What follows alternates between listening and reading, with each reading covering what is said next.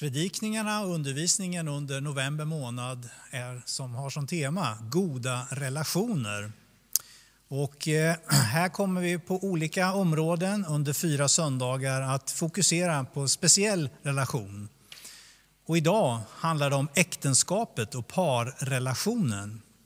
I Efesierbrevet 5 och 21 och framåt så finns där en så kallad hustavla och där finns det praktiska, väldigt väl tillämpbara ord på hur man kan fungera i de viktigaste och nära relationerna som vi har.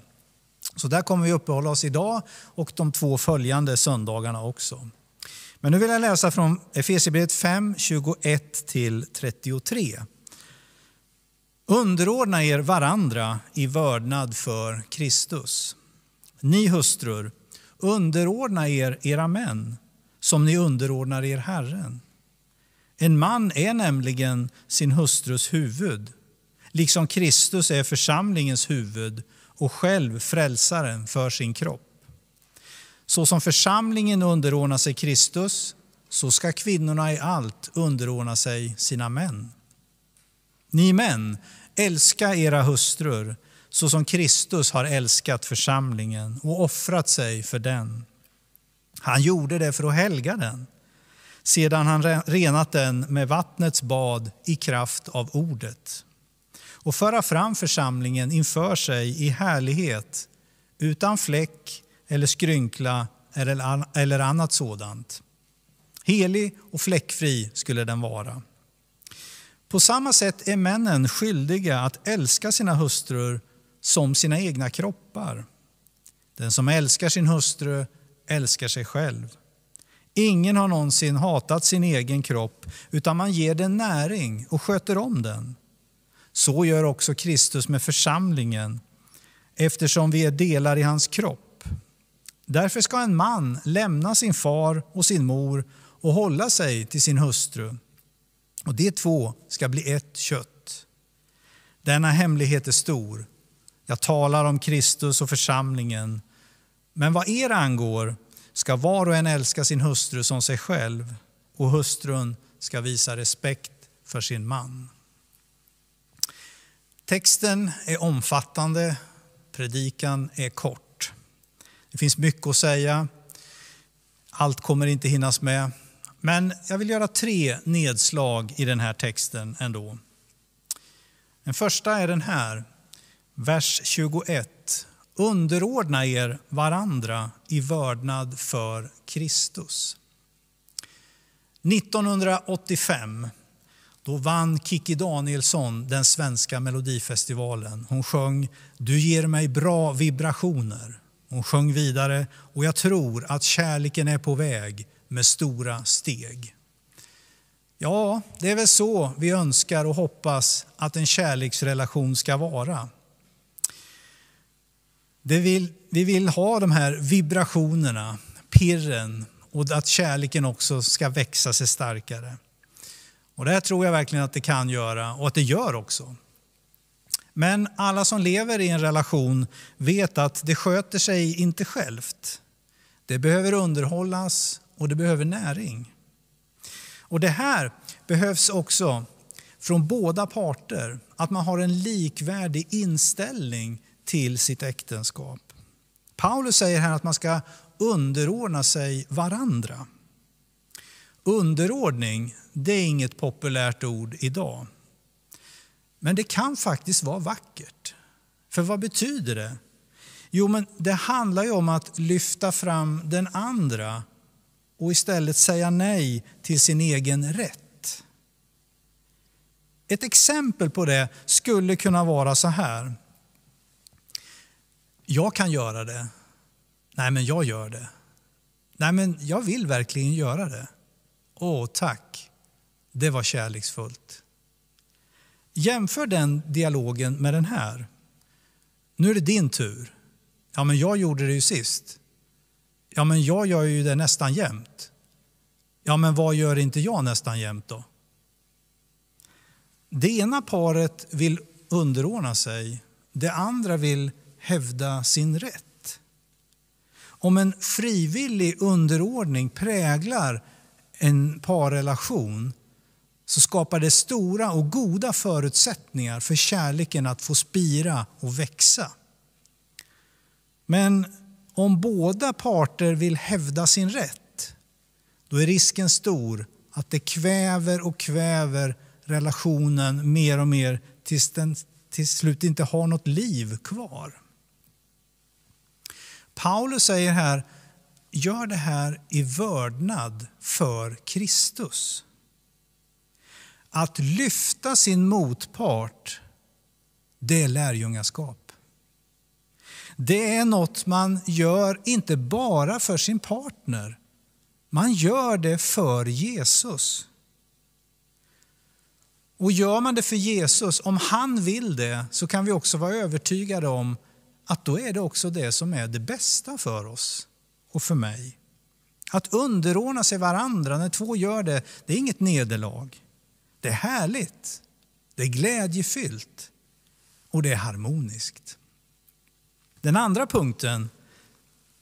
Ni hustrur, underordna er era män så som ni underordnar er Herren. På den här tiden var den här uppmaningen inte alls uppseendeväckande.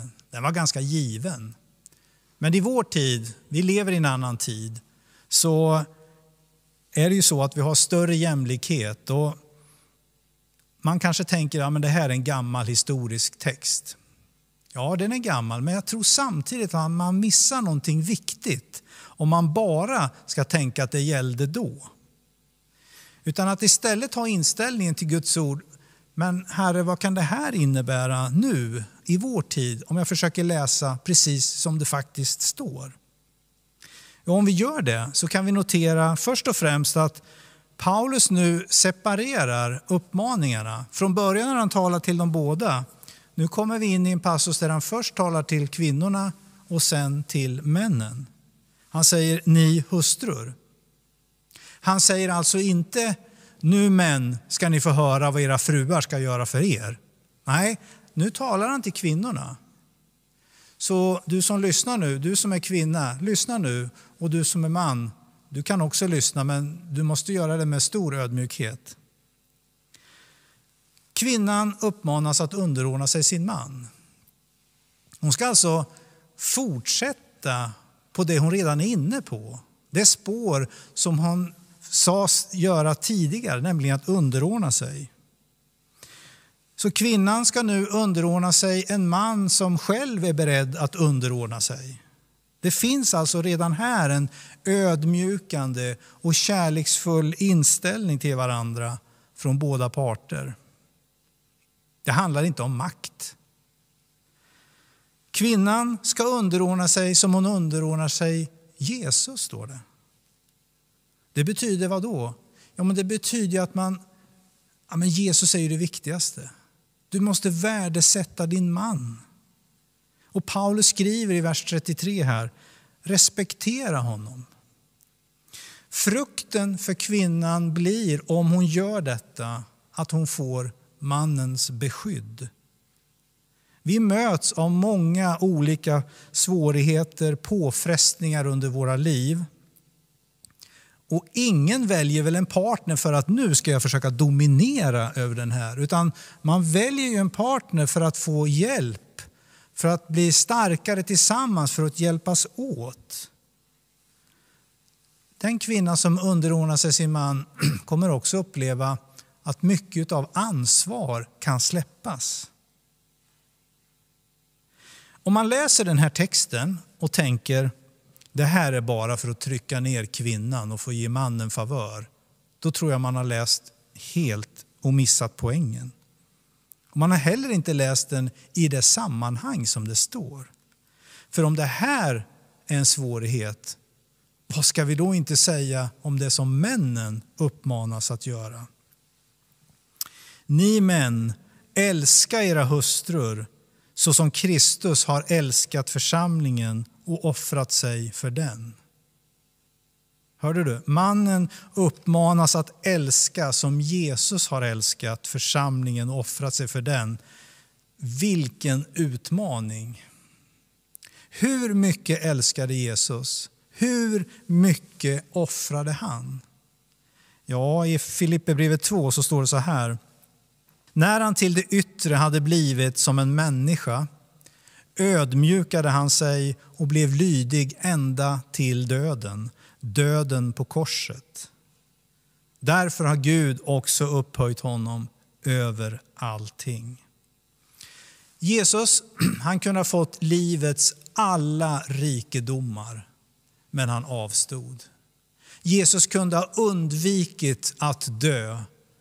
Ändå valde han att dö på korset. Han gav sitt liv. Han offrade allt. Han gav sitt liv.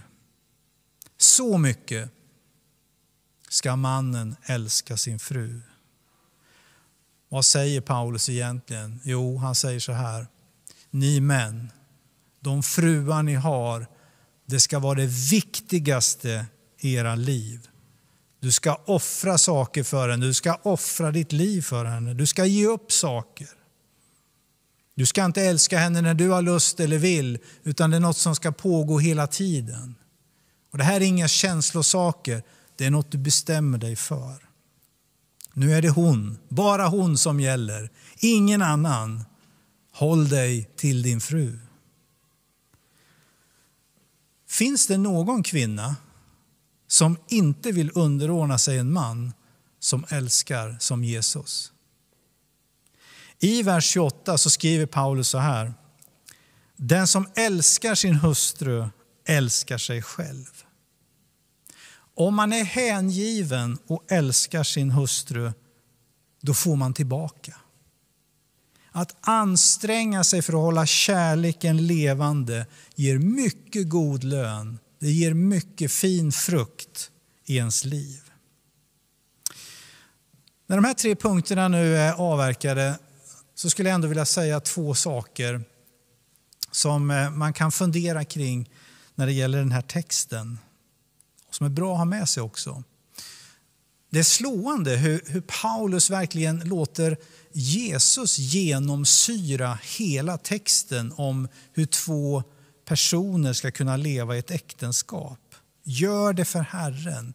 Jesus framställs som det är han som är drivkraften. Du ska följa, du ska lyda honom. Och Gör vi det här så kan vi vara säkra på att ja, men det här är ju vad Jesus vill med mitt liv. Och är det någonting som Jesus vill med mitt liv och jag vill följa det här, men då finns det välsignelser att få här. Säg inte nej till Herrens välsignelser, utan läs istället texten och säg låt mig formas av det du vill säga med ditt ord. Låt min bön få vara en lovsång till dig. När vi öppnar upp våra hjärtan på det sättet inför Herren, då kommer den första välsignelsen omedelbart. Vet du vad det är? Oh, det är en enorm frid i våra hjärtan. När vi känner att nu är jag på linje med vad Gud vill med mitt liv. Den andra saken som ju alla nu sitter och tänker, tror jag i alla fall. Vad gör man om den ena partnern inte vill? Den ena partnern fullföljer inte sin del av det här avtalet eller äktenskapet. Ja, vad gör man då?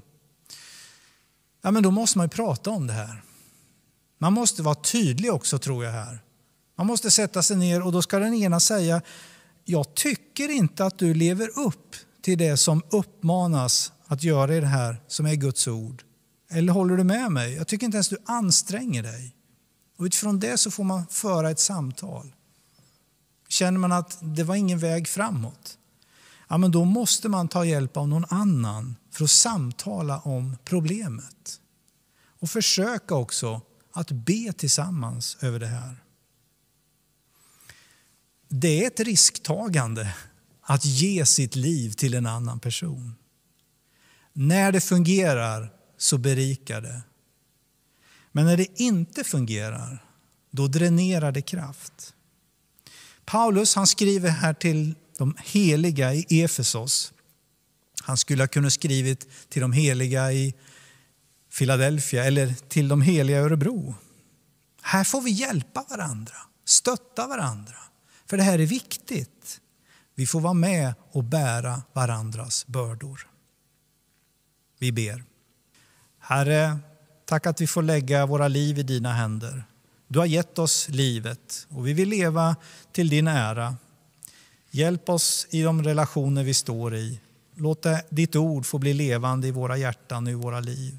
Tack att du hör oss när vi ber. I Jesu Kristi namn. Amen.